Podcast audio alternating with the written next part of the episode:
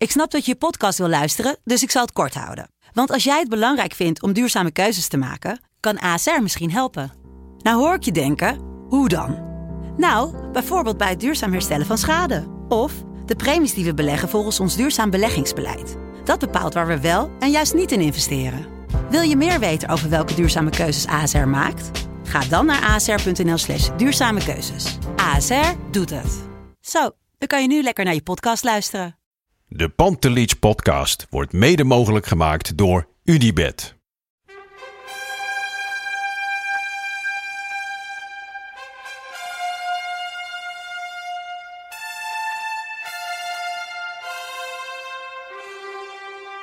For me, they can have just a lot of goals, a lot of fun, and some some other things. Pantelic komt erin.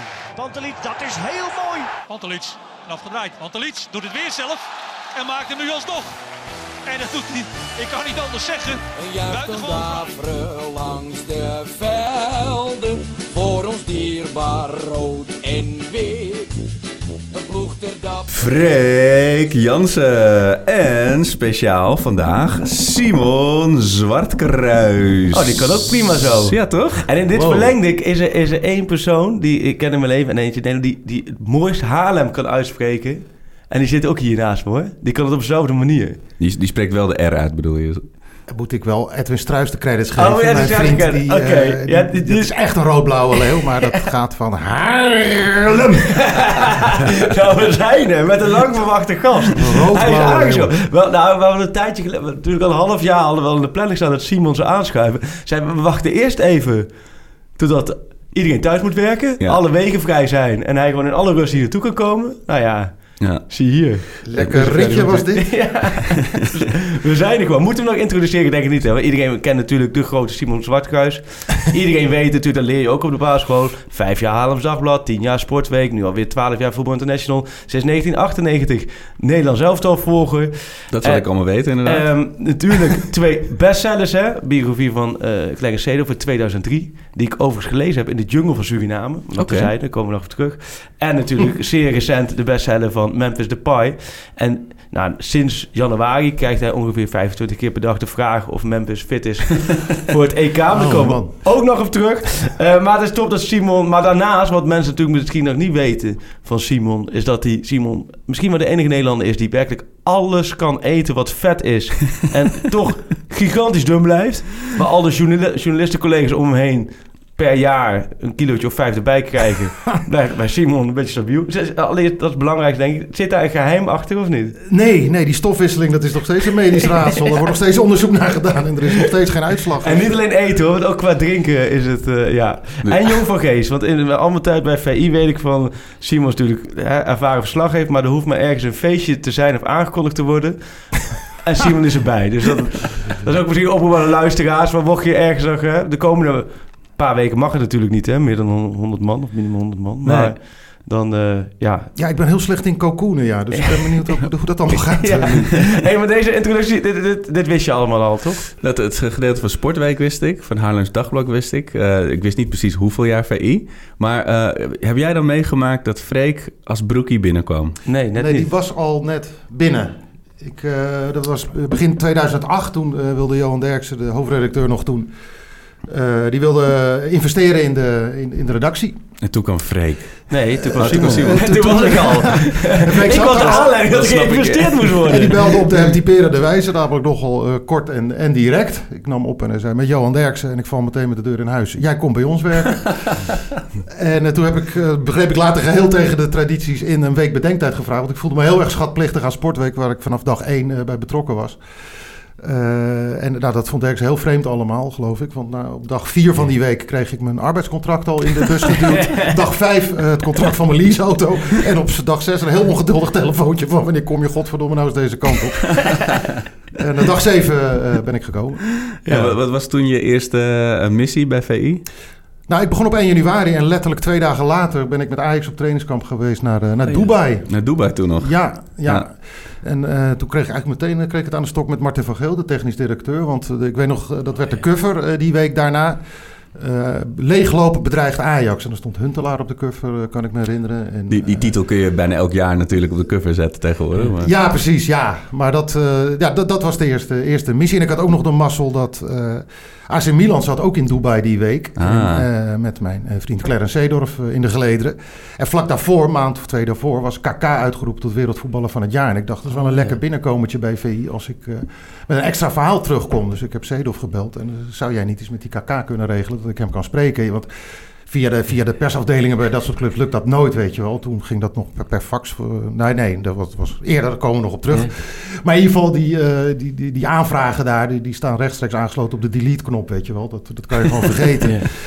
Eh, dus regelde dat. En toen heb ik daar een uur met, met KK zitten praten. Dus daar kwam ik dan ook nog mee, mee eh, terug eh, in Gouda nog, waar we toen zaten. Dus dat was mijn eerste weekje was een uitstekende de entree, ja. ja, nee, de- Ja. Want ik ben 2006 begonnen. Dus één jaar, 1 januari. Jij 1 januari 2000. Nee, ik ben 1 januari 2007 begonnen. Jij 1 januari 2008, denk ik, ja. Ja. Dus één jaar, eh, ja. 2008, dus toen inderdaad Van Geel was toen nog eh, eh, TD. Ja, Adrie Koster was volgens mij eh, trainer toen. Oh, Oh ja, die Koster maakt het seizoen af. Ja, dat Ja. weet ik nog wel. Dat Ja. was, in november al was, was het zeg maar een tussenjaar. John Jaken, voorzitter. Ik weet nog, er was Ja. op een gegeven moment ook, ook een borreltje daar. En die, eh, die zei, eh, mevrouw van Geel was daar ook. En het, we stonden daar aan de bar. En toen zei John Jaken, een beetje zo'n bekakt stemmetje. Weet je wat het is met die, met die Martin van Geel? Je, je koopt er één, maar je krijgt er twee. En dat, dat mevrouw van Geel altijd bij. Maar dat vond eh, Martin toch echt totaal niet leuk. Oeh, dus dat viel een lekkere stilte daar. Maar jij, Ja. ja, want jij hebt daarvoor, voor Sportweek natuurlijk... Hoeveel jaar heb jij uiteindelijk Ajax ehm, gevolgd? Want je hebt voor, voor Sportweek natuurlijk ook bij Ajax veel bij Ajax. Nou, het begon eigenlijk al wat eerder, omdat ik eh, in mijn studietijd, ik studeerde in Amsterdam en eh, mijn werk bij het Haarlems Dagblad was, Ja. ja. was mijn bijbaantje eigenlijk. En, en kort daarop eh, hoorde ik dat, ze- dat ze bij het Ajax Magazine, dat bestond toen nog, iemand zocht eh, die, die de spelersinterviews. eh, Dat was niet Ajax Live, dat was. Nee, Ajax dat heette, nog het Ajax Magazine. En eh, met David Ent als hoofdredacteur. Ja. En tot mijn eigen verbazing eh, werd ik de, kon ik dat gaan doen. En dat was precies in die periode dat eh, Louis van Gaal aan dat Ajax 95 eh, team Oh, aan het bouwen was. Ja. Dat heb je van dichtbij toen... eh, Ja, nou, dat- zo is bijvoorbeeld mijn, mijn eh, band met, met Zedorf ontstaan. Die, eh, die debuteerde natuurlijk toen als jongste 16, ooit in de ja. Ajax-historie, Ja. 16 jaar. En letterlijk de hele wereld wilde hem interviewen. En eh, ja, hij werd een beetje uit de luwte, ge- of in Ja. de luwte gezet. Ja. Maar ja, ik kon hem dan wel gaan interviewen. En dat was, eh, dat, ja, dat, dat was mijn eerste ontmoeting met hem. En ja, dat contact is, eh, nou ja, dat is tot op de dag van Ja. vandaag in, in stand gebleven. En ik heb het later nog wel eens teruggelezen.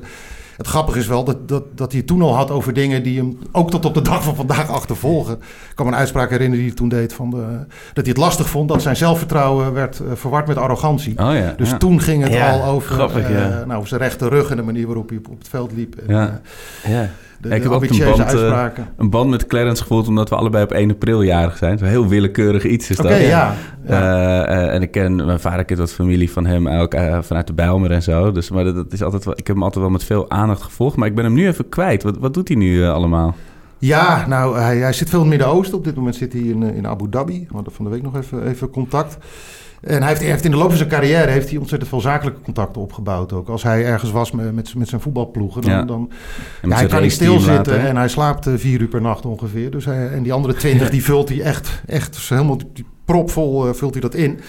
En hij heeft heel veel contacten opgedaan in alle geledingen van, van, eh, van de samenleving eigenlijk. Dus Ja. ja, ja de, hij, is, nou, hij heeft dat restaurant bijvoorbeeld, hè, dat Oh ja, oh Oh Eh, da- daar is hij nog mee bezig. En verder eh, ja, is, hij, is hij overal contact aan het Want aanhalen. hij- Hij, spreekt op of, symposia. Hij, eh, nee, zijn, zijn standplaats is Milaan. Ja. Daar is hij Ja. altijd eh, gebleven. Echt bij het Como meer of zo, toch? eh, zit hij. Daar zat hij. Oh. In het, eh, daar trok hij toen in het huis waar Aaron Winter ook woonde destijds. Toen hij, toen hij bij Inter. eh, Ja. Echt een prachtig huis inderdaad aan het Como meer. En eh, later is hij, is hij naar Milaan, de, naar de stad eh, verhuisd. En weer later naar een dorpje vla- daar vlakbij. Oh ja, ja. En uh, maar ja, dus, de, de, dus Ajax Magazine onder David Ent, dat was jouw introductie in de wereld van Ajax, zeg maar. De, net toen het Ja. helemaal losging uh, in, in de glorietijden. Ja, en dat was spannend, man. Want ik had uh, bij het Haams Dagblad een heel bescheiden pakketje. Ik deed amateurvoetbal. Daar, hing ik de slingers thuis op als ik naar RCH mocht. Ja, ja. Hoofdklasse, zo. Stormvogels, ook dikke mik. en ik deed honkbal, dat is een grote sport in Zeker. Haarlem. En, en zeker toen. En, en atletiek. Nou ja, dat, dat was allemaal ja, redelijk kleinschalig allemaal op regionaal niveau. Uh, en dan ondertussen ging ik af en toe inderdaad naar Ajax. Ik weet nog heel goed bijvoorbeeld dat, uh, dat, dat, dat Rijkaard terugkwam Ja. naar Ajax. En ik, ik ben nog nooit zo zenuwachtig eh, geweest in mijn leven, volgens mij. Daar keek ik echt tegen op. Ja, hè. er kwam echt een grand monsieur Ja. toen binnen, hè? dat weet ik nog. weet je, de, de, de- toen die drie bij Milaan zaten, Rijkert van Basten dat, dat was echt zo'n ontzettend ding. En ja, Ja. die, die kwam terug naar Ajax. En En ik, ik weet nog wel, hij, hij had in de gaten hoe, hoe nerveus ik was. Want we zaten in zo'n kamertje bij, eh, ja, naast spelershome. En daar kon ik hem dan interviewen. Bij de meer was dat nog. bij de Ja. meer inderdaad. En eh, hij, hij gaat zo tegenover me zitten. En eh, het eerste wat hij zegt is, je bent nerveus hè? Oh ja? Oh ja, ja. dat, ja. Dat, dat klopt. Ja, ja dat viel niet omheen te draaien. En hij buigt voorover. Eh, ik had een pakje sigaret in mijn borstzak zitten. Hij, pakt, hij plukt dat pakje peuken uit mijn, uit mijn borstzak. En hij zegt, nou, dan gaan we eerst eens even rustig een peukje roken. dus hij, hij pulkt er een peuk uit, biedt die aan mij aan, steekt er zelf een aan. En hij zei, dan gaan we eerst eens even over jou praten. Dus hij begon me allemaal vragen te stellen Ja. over mijn achtergrond. En of ik zelf voetbalde. En, eh, dus ik een beetje lullig vertellen over, eh, over, over dat Haarlems Dagblad. En eh, mijn carrière bij, mijn zeer treurige carrière bij Terrasvogels. Terrasje in, in Zandpoort. En ik, en ik inderdaad, ik kalmeerde totaal. En eh, nou, we waren klaar met die sigaret. En hij zei, nou, zullen we nu beginnen? Ik zei, ja, wat mij betreft wel. Zei hij, nee, toch niet. En hij buigt weer voorover, pakt weer dat pakje sigaretten. Ja. Oh, wat goed. En dat werd bijna een soort running gag. Ik ben later, met, bij, toen hij trainer was bij Barcelona, ben ik hem ook wel eens gaan interviewen, een paar keer. Maar ik weet nog heel goed die keer dat hij met Henk ten Kater daar was, natuurlijk was een assistent. Ja. Ook, ook een stevige roker. En die trainerskamer toen, ik weet niet of dat nog steeds zo is, maar dat was een soort bunker, een kamer eh, ja, onder de grond leek dat wel, zonder ramen. Diep in de gewelven van Camp Precies, precies. En eh, nou ja, wij naar binnen. En meteen weer een asbak op tafel. En eh, alle drie de hele tijd roken. en op een gegeven moment werd er op de deur geklopt. En toen kwam Carlos Puyol. Die, die, die, ja, die wilde even wat vragen. En die doet die deur open. En die landt echt tegen de muur van rook op. En die belandt in een hoesbui. Ik dacht, die man die blijft erin. Ja. Die heeft COPD opgelopen Ja. alleen om even binnen te komen. Ja, precies, ja. En, ja, daar kregen wij dan weer allemaal de slappe lach van. Gelukkig inclusief uh, Puyol.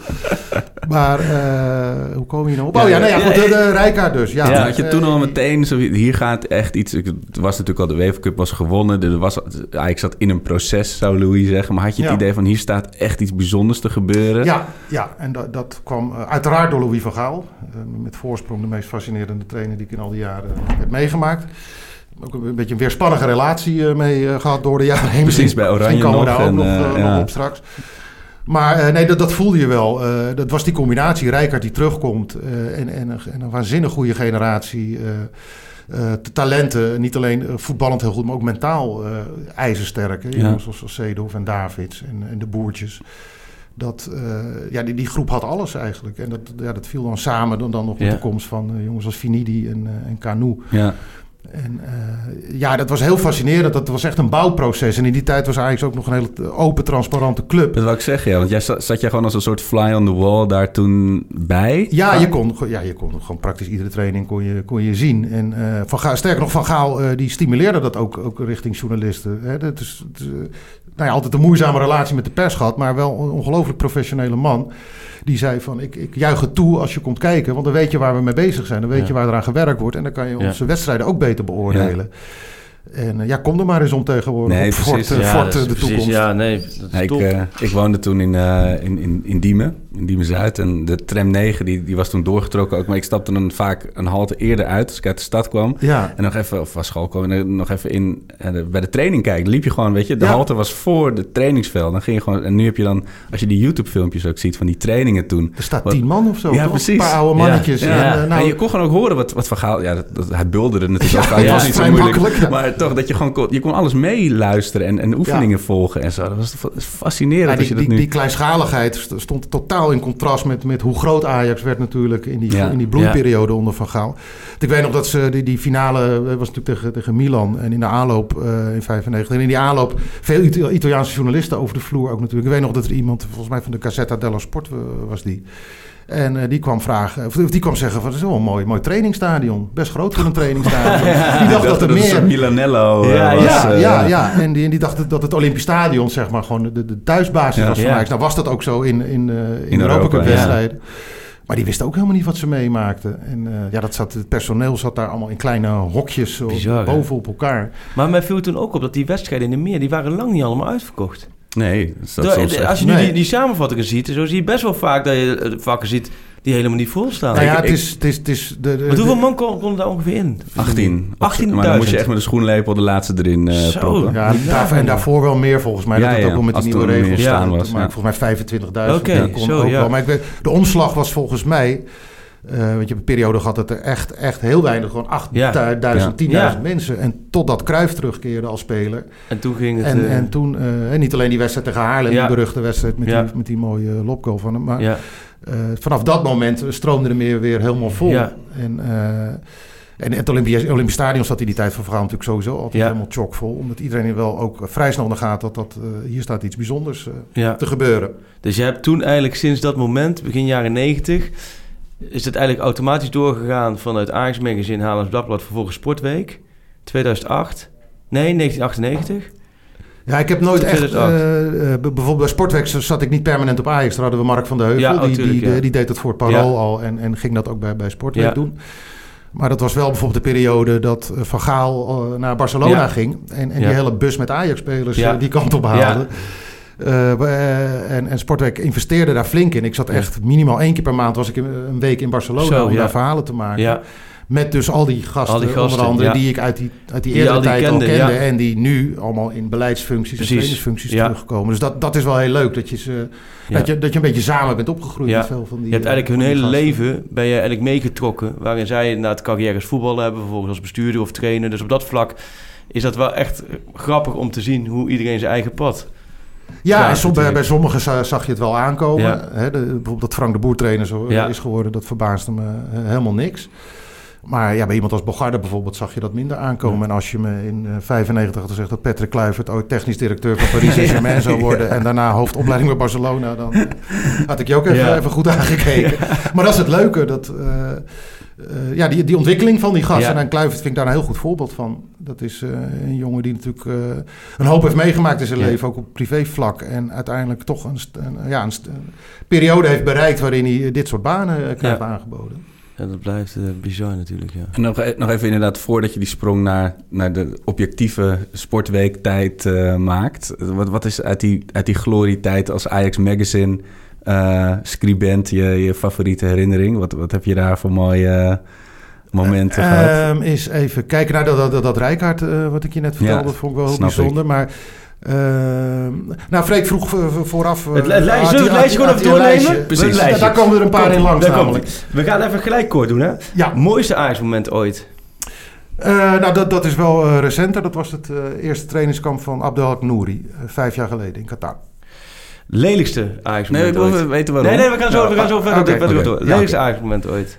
Eh, dat was de, de breuk tussen Ajax en Johan Cruijff eind 2015 na het ontslag van Wim Jonk. Favoriete Ajax-speler alle tijden.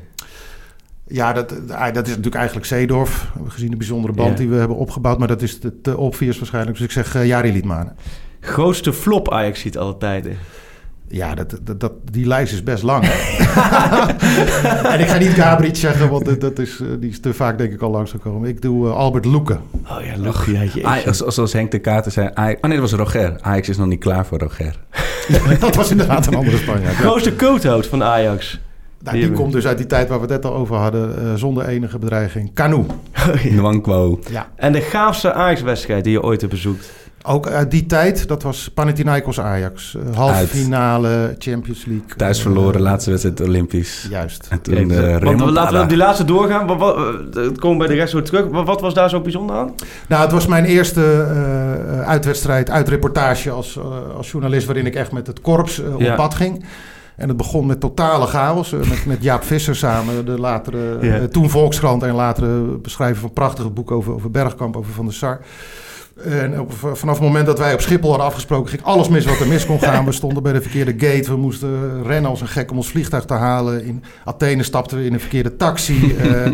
Eh, nou, dat ging maar door. En, en eh, letterlijk tot op de dag van vandaag noemen we, me- noemen we elkaar... eh, hij noemt mij Peppy, ik noem hem Kokkie. Omdat we echt als een Peppy en Kokkie eh, totaal verdwaasd eh, die trip eh, eh, hebben, hebben gedaan. Maar dat, dat, dat vond ik sowieso al heel, heel zwaar indrukwekkend. Ja. Ajax was al anderhalf jaar aan het heersen Ja. in, in Europa. Ze hadden de heenwedstrijd inderdaad, zoals, eh, zoals je zegt, verloren met 0-1. En het leek, dat leek het einde van dat tijdperk Ja. eh, te worden. En ze waren eh, fysiek op hun einde ook. Er waren Ja. veel spierblessures in die tijd, kan ik me herinneren. En het kwam echt op het mentale aan ook. En, en Van Gaal was fenomenaal daar in Athene. Die, die trok echt zijn mentale trucendoos open. Die, Ja. die training daar de avond voor, voor die wedstrijd. Dat, dat, dat, in mijn herinnering is, toch, is dat nog steeds de beste voetbaltraining die ik ooit van mijn leven gezien Want heb. wat, wat was er zo... eh, Nou, omdat Van Gaal... eh, kijk, we kennen hem als de bullebak, die Ja. spelers. eh, staat uit te kafferen. En, maar wat, wat veel minder vaak eh, in beeld wordt Ja. gebracht, of werd gebracht... is hoe hij op zo'nzelfde manier spelers omhoog kan tillen. Als er iets goed gaat in een rondo... of als, Ja. als er eh, spelpatronen in een trainingspartij naar boven komen die goed gaan. Dan kan hij ook compleet uit zijn plaat gaan in de positieve zin. En hij vond die avond de, de perfecte mix daartussen. Tussen de boel op scherp zetten... eh, en, en de boel ophemelen. En, eh, en er werd ook op echt op een heel hoog niveau getraind. Partijspel was dus toen merkte je al de dag van tevoren... Merkte Ja, je al iets ik van... weet nog dat we ja. die avond eh, uit eten gingen met een groepje collega's. Dat we zeiden van, ze- volgens, mij, volgens mij gaan ze het flikken. Ja. En toen kwam er nog een fax van, van Rijkaard Ja, dat was- overheen, ik hè, zeggen, de ja, dat is was de fax, hè, ja. Frank Rijkaard, die, Eh, die ze succes wenste. En die zei, eh, nou ja, dat kwam volgens mij op neer van koester het momentum. Hè, Dit- dit- je, Ja. kunt, je kunt nu echt geschiedenis schrijven door twee keer achter elkaar zo'n finale te Ja. halen. En dat sloeg in als een bom in de positieve Ja. zin van het woord. Van Gaal heeft die fax voorgelezen bij de teambespreking. Fax, hè? Ja, Schitterend. worden ja, er tweets uitgeprint en Ja, op de dat kleedkamers Ja. gehangen. Hey, en er werd, Ja. het, werd het toen 0-3? Ja, dat culmineerde Ja, allemaal Ja. in, in, in een stormachtige beginfase. Het was ook voor het eerst dat ik in zo'n kolkend Zuid-Europees stadion zat... dat totaal op zijn kop stond. Het was voor Panathinaikos moest het de ultieme wraak worden voor 1971. Hè, de, Ja. de eerste keer dat Ajax de Europa Cup 1 won op Wembley van Panathinaikos. Eh, maar ja, na vier minuten eh, was het jaar Liedmanen. Ja. Boom, Ja. 0-1. Ja. En Ajax bleef maar gaan en bleef maar gaan. En haalde een ontzettend hoog niveau. En eh, weer Liedmanen. En volgens mij Noordim Woter notabene vlak voor Oh, de derde. Ja, ja. En dat was, ja, dat, dat, die trip kwam zoveel samen Ja. voor mij. En het was gewoon ook, ja, als, als jonge verslaggever Ja, hoop je op dat soort, ja. naar dat soort wedstrijden ge- gezonden te worden. En ja, die, die, uiteindelijk die finale, die verloren ze dan van Juventus. Ja. Maar eh, nee, dit maakte allemaal, allemaal heel veel indruk, ja. En- En, en- met, met eh, oh nee, Liedmanen komen zo. op. Ja, wat Liedmanen, laten, laten we daar gelijk door. Want Liedmanen Ja. noem jij jouw favoriete... eh, Ja. Buiten Seedorf natuurlijk, voordat, voordat Seedorf Ja. gelijk gaat appen. Want die luistert natuurlijk trouwens de Ja, die wordt woedend nu. Simon uh, Padelo, je zou mij toch noemen? niet de Clarence Seedorf Ja. podcast? Nee, daarom. Ik ga maar- vanuit de auto terug meteen even bellen straks om het goed te dat, dat maken. er ja. ergens iets mis is gegaan. Maar, Ja. maar, maar Liedmanen, dat, iedereen volgens mij... Ja, heeft elke Ajax ziet en, en nou ja, zo ongeveer van dezelfde leeftijd. Natuurlijk die, die, die jaren negentig een beetje op middelbare scholen meegemaakt of eind basisschool. Dan Liedmanen sprak echt ook bij de jeugd heel erg tot de verbeelding. Ja, dat Ja. had denk ik ook, ook wel met zijn uitstraling eh, te maken. Want hij, kijk, het- hij, hij was geen speler uit de traditie van de sierlijke, lichtvoetige Nee. eh, Van Basten, Bergkamp, Ja. Cruijff. eh, hè, die, die, eh, die Maar hij had niet, ook niet heel veel charisma. Het, was niet, Nee, het het is is- niet iemand waarbij Nee, je... Hij kwam niet met stevige Nee. teksten. Of, maar het was Nou, gewoon is zeg ontzettend innemende... eh, In, eh, in, in verhalen, in boeken en in, Ja. in, in films heb je heel vaak gebruikt dat trucje. Dan is de hoofdpersoon is, is eigenlijk helemaal niks. Daar, dat is Nee. een soort blanco canvas Ja. waar je je eigen dromen en alles op kan projecteren. Dat had hij natuurlijk ook. Je wist niks van hem en dat was, daardoor Ja. kon je hem helemaal laden zoals je wilde. Weet je, Liedmanen kon best zoals jij zijn of Ja. juist Nee, een maar- soort Zlatan-achtig type. Maar dat mocht je helemaal zelf ervan maken. En ook vanuit Finland, dat is ook niet... Dan zeg ik, het was wat mijn Ajax graag zo vrienden zijn. Zo Amsterdammer die dan doorbreekt. Nee, en was ook gewoon, en hij was ook gewoon eh, afgekeurd al door Ajax. En door Afgetest. PSV. En, eh, Want hoe was dat gegaan, het verhaal? Nou, hij was eh, al een tijdje aan het meetrainen. Ja. En eh, nou ja, hij was gewoon niet goed genoeg bevonden. En toen, eh, Te langzaam eh, volgens mij vonden ze hem. Ja, zijn handelingssnelheid niet, Ja. eh, niet goed genoeg. Maar hij werd vooral als, midden, als, zeg maar, als echte middenvelder gebruikt. En Ja. toen was er een, eh, speelden ze een oefenwedstrijd, eh, ik meen in Engeland. En er was al besloten van, nou, op een zaterdag en die, die maandag zou hij dan te horen krijgen van bedankt en tot ziens. Eh, maar er raakte iemand geblesseerd en nu, ik weet even nu niet wie. Maar hij moest in ieder geval opeens van, nou dan zetten we Liedmanen wel op 10. En Ja. dus misschien is dat wat. Het zal Dan Petersen zijn geweest dan die geblesseerd Zou, ja, dat, Dat zou ja, kunnen. dat, Ja. dat, ja, Maar de, eh, en daar, daar speelde hij als een beest opeens. Ja. En eh, dat heeft Gerrit van der Lem later wel eens verteld, assistentcoach. Dat die, die, die zou dan maandag dat slecht nieuwsgesprek Ja. met hem gaan voeren. En dat werd een goed nieuwsgesprek. En eh, nou ja, de rest is geschiedenis. Maar dit maar ik heb met hem Ja, wel bizar, ja. eh, ook, ook wel een leuke band opgebouwd door de jaren heen. Omdat het zo'n zo'n eh, hele toegankelijke, innemende Ja. jongen is. Met een, met een leuk gevoel voor humor ook. En die totale bezetenheid waarmee hij met zijn vak bezig was, die vond ik ook heel aanstekelijk. En ik weet nog dat ik, hij is ook naar Bar, hij was een van die, van die 86 spelers Oh, die, van Gaal vanuit Nederland naar Barcelona haalde. En hij was er zo vreselijk trots op. En ik weet nog dat ik met me daar ging rondleiden. Daardoor kwam Nou en dan door de catacombe langs dat kapelletje en zo. En, en hij was zo aan het genieten. En toen kwamen we op het veld. Het was voor de start van het seizoen. En ze waren een geluidsinstallatie aan het testen daar in Camp Nou. En, er- ja, en waarom weet ik niet, maar er stond een bankje op het veld. En precies op het moment dat wij het veld opkwamen, eh draaiden ze, het, begon het intro van eh, Hotel California van de Eagles. Nou is dat niet, niet per se meteen mijn favoriete eh, nummer alle tijden. Maar dat, ja, ik weet niet, het paste bij de setting of Ja. zo. En toen zei Jari, zei van, zullen we gewoon even op dat bankje eh, naar muziek gaan luisteren? Ah, en toen hebben wij, nou dat nummer duurt denk ik 7, 8 minuten of zo. Hebben we 7, 8 minuten zwijgend op dat Oh, bankje gezeten. In dat immense kamp. Nou, en we keken elkaar alleen af en toe zo aan van, ja, dit is wel, dit is Dit wel oké hè. Dit is wel oké hè. En dat, dat vond ik een heel, heel bijzonder moment. Ja. Eh, ook omdat je, ja, je hebt vaak toch het gevoel dat je gesprekken op gang moet houden. En hoe, hoe lang heb ik hem voor, eh, zeg maar, voor mijn interview en alles. En dat, alles viel daar weg. En eh, nou ja, we, toen waren we daar klaar en dan nog verder met die rondleiding een beetje te kletsen. En toen vroeg je opeens, wat doe je morgenavond? Ik zei, ja, in principe gewoon in mijn hotel hangen Ja, of even ja. op de Ramlas hangen, weet ik het. Zei die, eh, ga je mee naar het handbal? Ja, maar dat, is nou niet, eh, dat was nou niet het eerste wat ik van hem had verwacht. Ja, is leuk. Iedere balsport is leuk. Ik neem je mee, want er, er stond een Fin op doel bij, bij, Oh, ja?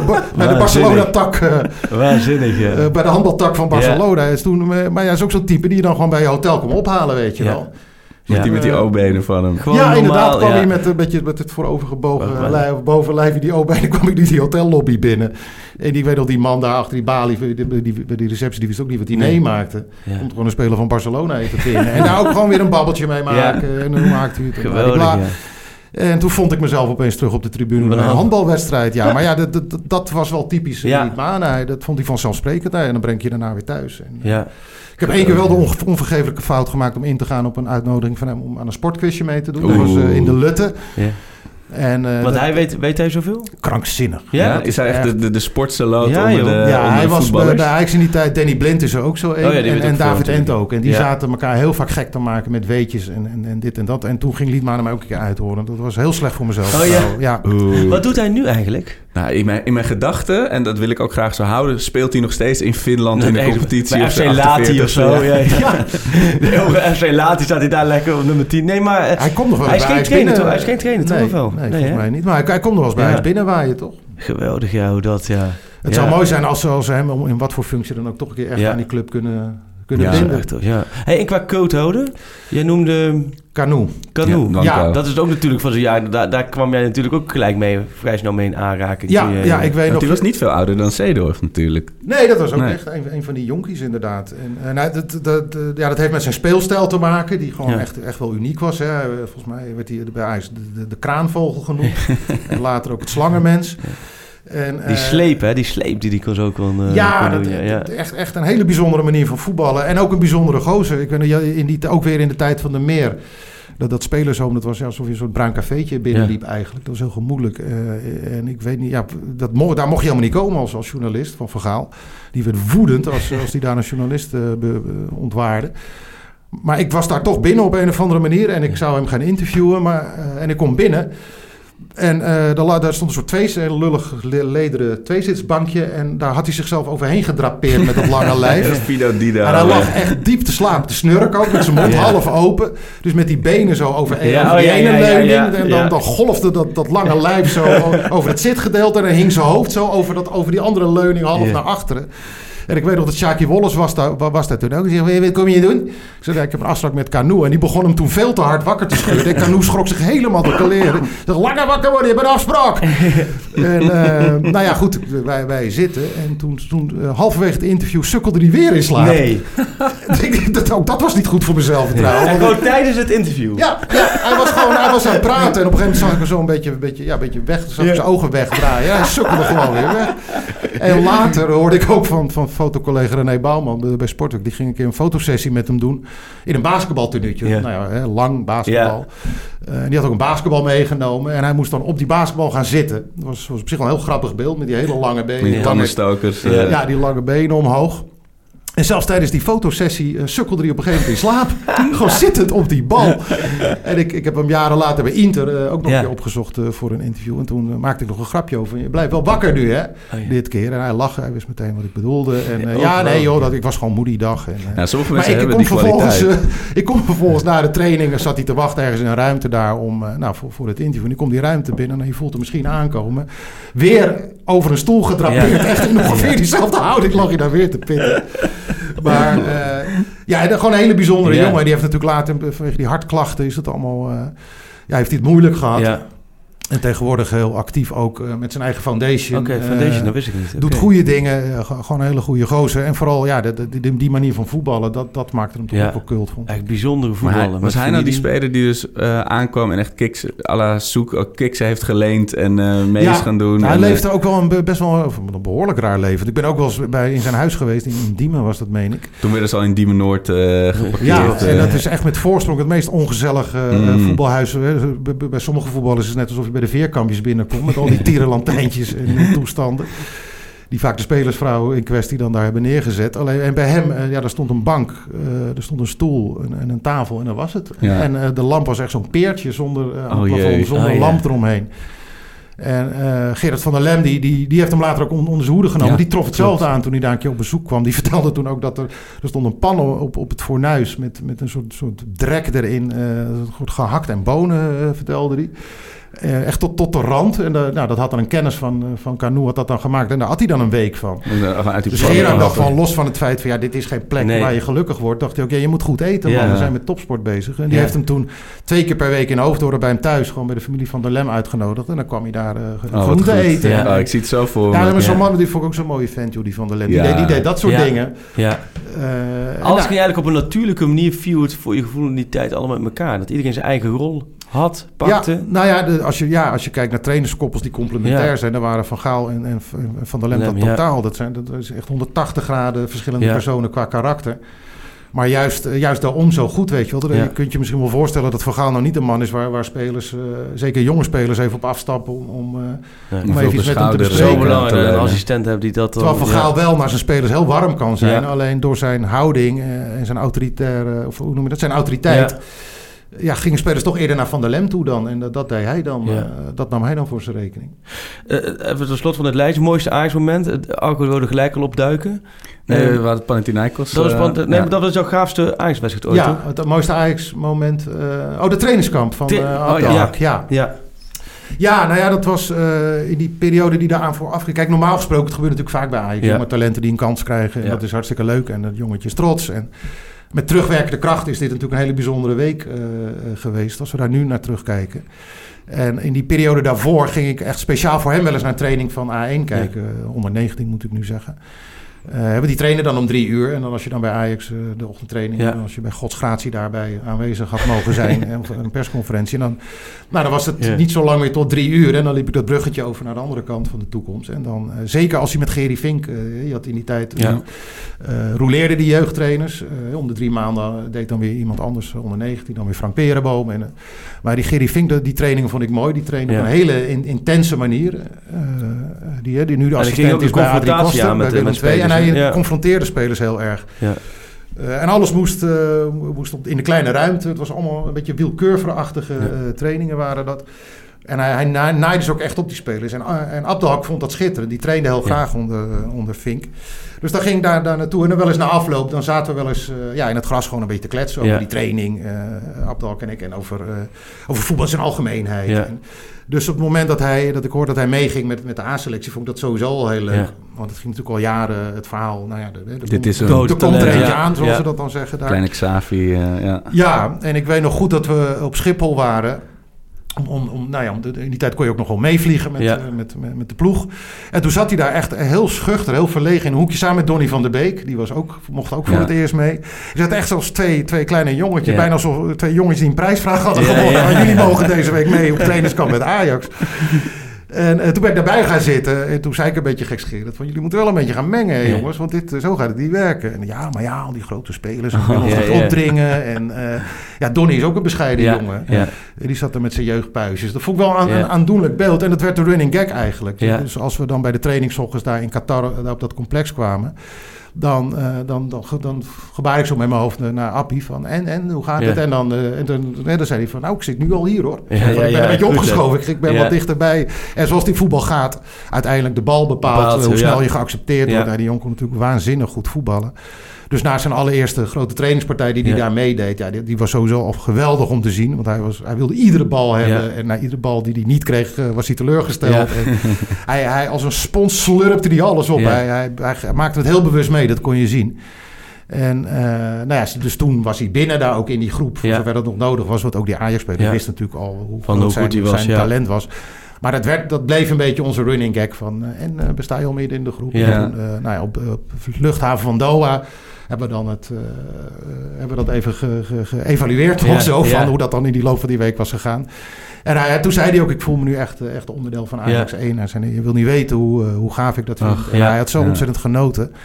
En een week later ben ik weer naar zo'n training gegaan. Van de, van de, want toen moest hij volgens mij vanwege de Youth League of zo... toch weer een, Ja. keertje, een keertje die week met de A1 meetrainen. Toen zaten we ook weer in het gras. En toen zat hij de hele tijd, terwijl we aan het praten waren... een balletje hoog te houden. Ja. Zittend eh, in, in het gras. Zoals die jongen op het Leidseplein, zeg Ja, maar. precies. Ja, ja, ja. zo, ja. En toen weet ik nog heel goed dat hij zei van... eh, want toen vroeg ik zo aan hem van... eh, Ga, nee, ga je ook, slaap je ook met een bal? Want dat is, dat is niet Ja. normaal. Hij, nou ja, ja, nou ja, waarom niet eigenlijk? Ja. En toen zei hij van... eh, eh, maakte hij een uitspraak waar ik nu nog be- eigenlijk nog best wel vaak aan moet terugdenken. Van, eh, ja, maar zo- zonder, zonder, een- zonder een bal is het leven toch helemaal niks aan. Ja. En dat is met de wijsheid van nu... Ja. eh, is dat natuurlijk een eh, zeer, zeer Tuurlijk, pijnlijke, ja, ja, ja, pijnlijke ja. eh, Ja. opmerking. Ja. Het Ja, is, het- blijft het- maar het is bizar. Zo bijzonder hoe... Het, het was echt niet zomaar een, een talent, weet je wel. Er zijn nu twee boeken over hem verschenen... van, eh, van Henk Spaan en eh, van iemand van dicht bij de Er familie. komt een nieuwe aan, ja. Ehm, en, en- en hij- hoe hij iedereen's leven heeft geraakt in, eh, in, in die korte tijd dat hij eigenlijk in, in de spotlight begon te komen. Ja. Eh, en, en ook ieder, ik, ik ben zelf, eh, ik ben natuurlijk een stuk ouder, maar met vrienden keken we dan in de rust van wedstrijden. Had je die filmpjes van Touzani, die toen nog niet super bekend Ja. was. Maar Ja. die maakte toen YouTube-filmpjes met hem en Donny. En dan gingen ze op de Arena Boulevard, gingen ze voorbijgangers poorten. En je hebt het beruchte filmpje dat, die, eh, dat Nouri, dus ook met de Youth League, zit ze in het hotel in de lobby met de spelers van Barcelona, de jeugdspelers van Barcelona. En hij dolt ze allemaal, jongen. Het is echt prachtig. ja. En, ehm, eh, maar goed, ja, voor jou was het natuurlijk... Je had het al een keer eerder meegemaakt. Een heel ander karakter, een heel ander figuur met, met Zeedorf. Maar je, je zag het waarschijnlijk voor je ogen weer gebeuren... dat er echt zo'n zo'n uniek iemand eh, Ja. omhoog komt. Ja, en het, het leuke is, eh, dat, dat- vind ik ook wel het goede aan die opleiding eh, bij Ajax en de cultuur die daar heerst. Dus die bikkelhard. Ja, Maar dan weet je wel, zodra het daar gaat zoomen, Ja. dan weet je dat het de moeite is om op zaterdag een keer naar de toekomst te rijden. Ja, precies. Ja. om, om, dan wil je zo'n jongen wel even aan het werk Ja. zien. ja we gingen ook naar Jong Ajax opeens veel meer inderdaad. Eh, Ja. ja. Ja, dat Ja. jaar toen met Jong Ajax, met. Van der Beek, ja. Nouri. Ja, dat was natuurlijk... Of Frenkie de Jong en, nog en, erbij. en Freek, nou, dat, dat, dat weet jij eh, nog, nog wel beter dan ik. Dat, dat het bij hem er ook mee te maken heeft hoe ontzettend leuk hij en, en beleefd hij was. En, eh, Oh, dat, dat dat, is maar ook dat dat ook kan, weet je. Dus dat je niet per se dus een, een, een, eh, een, uit een Mino Raiola-stijl eh, type hoeft te zijn om, om het te maken. Nee, Dus want ik het- weet ook dat, wat dat precies Simon dat jaar toen onder Bos, hè, toen ze alles wonnen. De, of die, de Europa League, die hele tour. Toen was aan het einde, als je, op een gegeven moment had je bijna iedereen geïnterviewd. Toen hadden we op een gegeven moment Nouri. Want toen maakte ik het verhaal over al die talenten die op doorbreken stonden. Sommigen wel, Kluivert die wel minuten kreeg. Frenkie de Jong die eh, eigenlijk heel graag minuten wilde, maar ook niet echt kreeg. En Nouri ook niet, die moest heel veel geduld hebben. ja. En toen ging ik met, met Nouri zitten. En normaal zou je denken, een talent wat in zijn hele jeugd bij Ajax alleen maar schouderklopjes heeft gehad. En op zijn 17 al met de selectie mee mogen of jong. In ieder Ja. geval, ja, als je die een paar jaar later spreekt, waarbij iedereen met Henk Spaan voorop roept van, oh, die moet eigenlijk al lang spelen. Dan, dan verwacht je dat iemand uiteindelijk zelf ook een beetje daardoor begint Precies, te mokken of te zeuren. Ja. Maar echt, op wat voor vragen ik ook stelde, op wat voor manier ik ook probeerde van, Ja. eh, van ben je niet gefrustreerd of is het niet Ja. eens een keer jouw tijd? Maar totaal niet. Totaal echt gewoon heel ehm, Maar ja, hem- positief over alles. En helemaal niet bezig van ja, eh, die speelt wel, die speelt wel en ik niet. Wat je nu al hoort als Graafberg een keertje wissel staat, nou dan, dan moet je van alle Ja. kanten, hoe kan het nou? eh? ja, dat vond, dat, dat vond ik wel echt wel echt zijn kracht. Ja, ook omdat hij eh, zelf kritisch in de, in de spiegel keek. Ja. Hij, eh, Ja. Ik in die tijd bij Jong Ajax inderdaad, volgens mij was dat onder Jaap Stam. Eh, toen, toen ging het vaak, kijk wat hij met de, in balbezit kon, dat, dat kon een, een blind, Ja. blind paard zien, hoe, van wat, welk hoog niveau dat was. touwtje. Maar toen ging het vaak over eh, wat hij deed als hij de bal niet had. Ja. Hè, de, de bekende trainersjargon, Ja. omschakeling, eh Ja. gegenpressing, bla bla bla. het spel lezen. Nou, dat, dat kon hij op zich wel. En, en positie kiezen ook. Maar dat, dat was in de ogen van Stam op dat moment nog niet genoeg. Nee. En eh, dus de, daar, werd, daar, daar werkten ze aan. Ja. En hij beaamde dat ook. Zei, ja, dat, dat, dat kan ook Ja. echt nog wel beter. Ja. En dan, dan, dan keek je ook hoe Ajax 1 speelt. Zei, ja, en, en naar andere grote clubs. Zei, ja, dat is ook hartstikke belangrijk Ja. in dit voetbal. Ja. Dus da- daar moeten we nog stappen in maken. Dus Ja. ja, dat is iets anders inderdaad dan, dan jankend bij je zaakwaarnemer voor de Ja, deur staan om Ja. te zeggen dat je in de basis moet en anders weg. ja. Ja. En vooral spelers die de hele jeugd gehoord hebben hoe goed ze zijn, is dat maar vaak maar Ja. De vraag of ze daar te- Ja. tegen kunnen natuurlijk, ja. En nog even, Ja. nog even één ding, want die, die, die, die jaargetallen vallen me op. Want jij ging dus weg eh 98 toen het, het grote vergaalcircus verder trok. Ja. Eh, en toen je dus in Ik 2008... kwam daar nog, eh, toen kwam ik nog wel eens bij, bij Ajax. Jawel. Eh, eh, maar toch, toen in niet- 2008 ging je het weer intensief volgen. Ja. Dan kwam je natuurlijk bij letterlijk een andere club terecht. Een ander bedrijf, een andere omgeving. Ja, Oh ja, dat is wel een flinke switch geweest, denk ik. Ja nee, dat klopt. Ja, omdat, Van, van eh, dat je gewoon ergens bij een veldje alle trainingen kan zien en met iedereen even kon zitten. Ja. Ja, Tot aan... eh, Tussen, tussen Jon, ik weet dat ze niet dezelfde functie hebben, maar tussen Jon Jaken en, en Shaki en, en Van der Lem kan bijna geen groter verschil zijn natuurlijk in, in beleving van wat Ajax is. ja, klopt. En Dat, eh, ja, dat, het werd ook echt eh, de Ajax-NV inderdaad. Eh, met, met alle eh, restricties die daar op een gegeven moment ook zeker richting de pers eh, ook, ook bij zijn gaan horen. En dat, dat maakt het natuurlijk niet makkelijker om, om de contacten eh, te, te, te Nee. maken die je de- destijds eh, Nee. kon maken. Het kan nog steeds wel hoor. Dat hangt gewoon ook nog wel van, van, van de spelers eh, zelf Ja. af. Ik bedoel, en uit latere generaties zijn jongens als Van der Vaart en Snijder en zo, die waren ook ontzettend Ja. toegankelijk. En Ja. als ik die dan later in het buitenland opzocht, dan, dan, hoor- dan was Ja. dat ook een 24 uurs project met lunchen en dineren. En, En dat is nu nog steeds natuurlijk zo. Dat, dat, dat, daar heb je gelijk in van. Het is niet zo dat nu dat allemaal niet meer kan. Alleen, ik heb het gevoel, nu moet, het- moet het meer gewoon wel vanuit jezelf komen. ja, Ehm, ik merk nu al een verschil met een paar jaar geleden bij Ajax. Hè? Toen kon je gewoon interviews hebben met iedereen en kon je lang genoeg zitten. Nu wordt dat ook meer Eigen kanalen. eh, beperkt, ja. Ja. Maar jij hebt, de- ik weet nog wel, wat toen je bij VI kwam, toen Ajax, toen werd je ook vrij snel ondergedompeld in natuurlijk die hele tijd van de revolutie met alles erop Ja. en erom. Dat was eigenlijk dat was de- Tenminste, jouw Ajax-tijd bij VI werd natuurlijk gekenmerkt. Aan de ene kant door hè, de titels van Frank de Boer. En toen dacht Simon, nou, nu doe ik een stapje terug, geef ik het over aan Freek. Toen won Ajax even jarenlang helemaal niks meer. Dus hebben we precies het juiste moment dat hij Oh dacht, ja, ik ben weg. het Maar Freek Jansen effect. dat ja, hebben we Amsterdam. helemaal niets in Amsterdam een paar jaar. Maar eh, vooral ook die revolutie. Dat, dat Ja. was voor jou denk ik ook wel een tijd waarin het... Ja, ik denk, waar, waar, waar ben je in beland? Ja, Toch? dat was Waar- de, de ook omdat je journalistiek- met beide kampen had jij go- goede contacten. Ja, ja, dat was journalistiek de heftigste periode die ik, eh, die ik heb meegemaakt, inderdaad. En dat, eh, nou ja, wat jij zegt, dus soms, soms eh, kwam je, ook in mediaal land was er een enorme... eh, Je kreeg een beetje dat je bent voor ons of tegen Ja, ons. ja, ja. En wij hadden natuurlijk toen Freek bij, bij VI Johan Derks als hoofdredacteur, die, die er bepaald geen geheim van maakte aan welke kant hij stond. Nee. Wat ik heel goed vond van, van Derksen was dat hij tegen mij zei van jij maakt jouw verhalen en ik maak mijn columns en, Ah, en doe mijn dingen op tv. Chinese muur. Ja, nou, maar Ja. Dat, eh, en dat, dat heeft hij ook echt, eh, echt waargemaakt. Eh, hij zei op een gegeven moment wel, en dat was voor mij ook wel een soort doorbraak. Ja, en ook wel hoogtepunt. Eh, toen gaf hij mij zeg maar, de, de sleutel van het huis van Johan Cruijff, om het zo maar uit te Ja. drukken.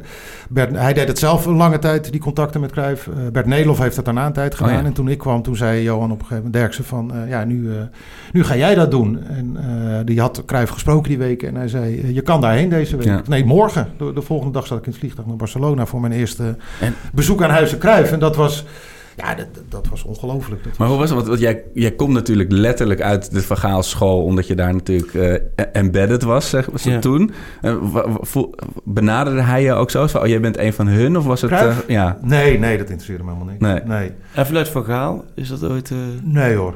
Nee. nee. Kijk, wel. eh, kijk, ik ging op een gegeven moment.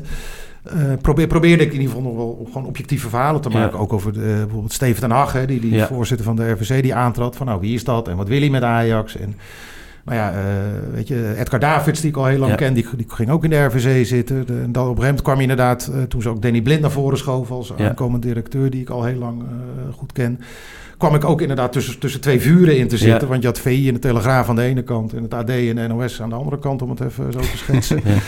Eh, en ik heb zelf inderdaad in het begin volgens mij wel redelijk objectieve verhalen gemaakt... tot dat moment dat eh, Steven ten Haven achter de rug van om... Van Gaal en, en Danny Blind naar binnen Ja. eh, probeerde te loodsen. En die rechtszaken begonnen.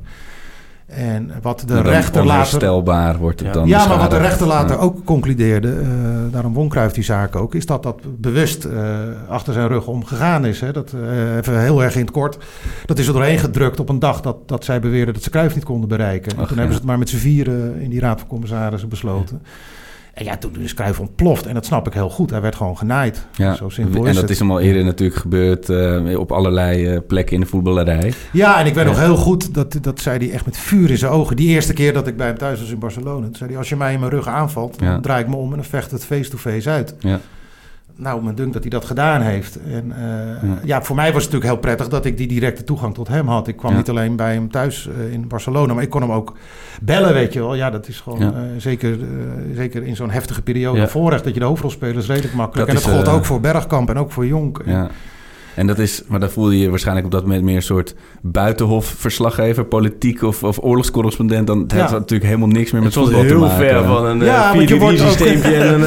eh, Nou, je merkt ook op een gegeven moment eh, dat je, je wordt dan ook zelf benaderd door mensen die, Precies. dan Ja. hun, die eh, eigenlijk voor hun karretje iets willen te hebben. verkopen Ja. hebben. Ja. Zeg maar in het midden van het spectrum, spectrum dat weet je ook nog wel, Freek, had je ook nog de, de, de vrijgevochten denker Piet Keizer. Ja. Hè, die durfde ook wel kritisch tegen Cruijff te zijn, Ja. zijn oude ploegmaatje. Maar ook kritisch naar eh, de nieuwe clubleiding en Ja. Zo. Dat was echt een hele zelfstandige denker. Eh, ja, die nam ook wel eens contact Ja. op. En op neutraal terrein wilde hij dan afspreken. In een Letterlijk, wegrestaurant ja. gingen we dan Ja. zitten. Dan Boven, begon- boven de A4 misschien? Nee, niet daar. Rinkelende karretjes. En dat waren waanzinnig Ja. interessante gesprekken. Ja. Dat ging eh, 90% over voetbal en maar Ja. 10% over de, dat, al dat politieke gekonkel.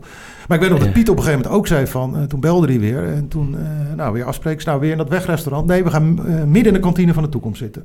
Laat iedereen het maar zien. Ah ja. Toen wilde hij, ja, toen wilde hij gewoon echt even gezien ja. worden van... Ja. eh, jongens, ik... eh, Ik heb ook een verhaal te, te ja, brengen want hij stond er niet bekend op zijn lijntjes met de pers en Nee. zo. Maar ja, zo van jongens, ik, eh, ik heb ook wat te vertellen.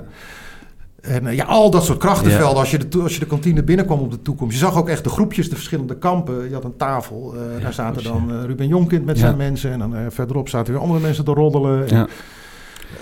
Echt een totaal bizar. En we gingen van, van extra eh, buitengewone aandeelhoudersvergadering... Naar, naar, naar de rechtszaal in Haarlem. Naar, Ja.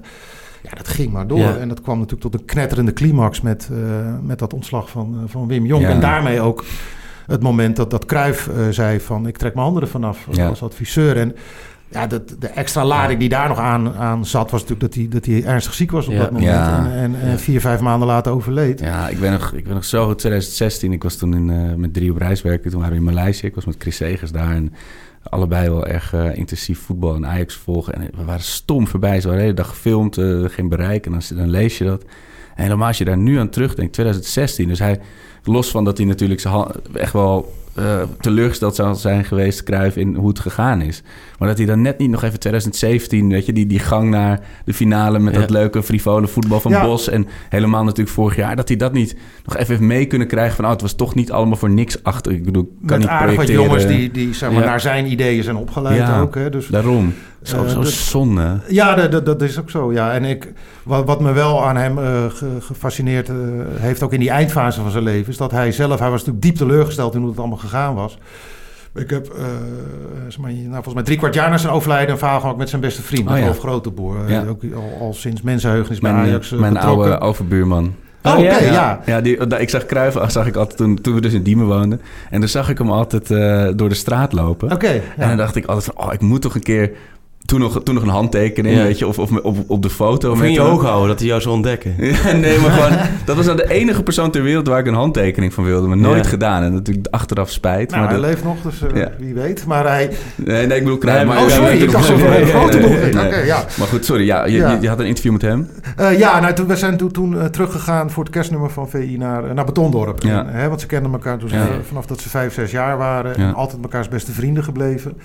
En Rolf, ja, die woonde onderhand op een gegeven moment in Barcelona. Daar kwam hij een weekje logeren. En uh, heeft Danny eens, die zei wel eens, in drie maanden later zat hij nog steeds aan de eettafel.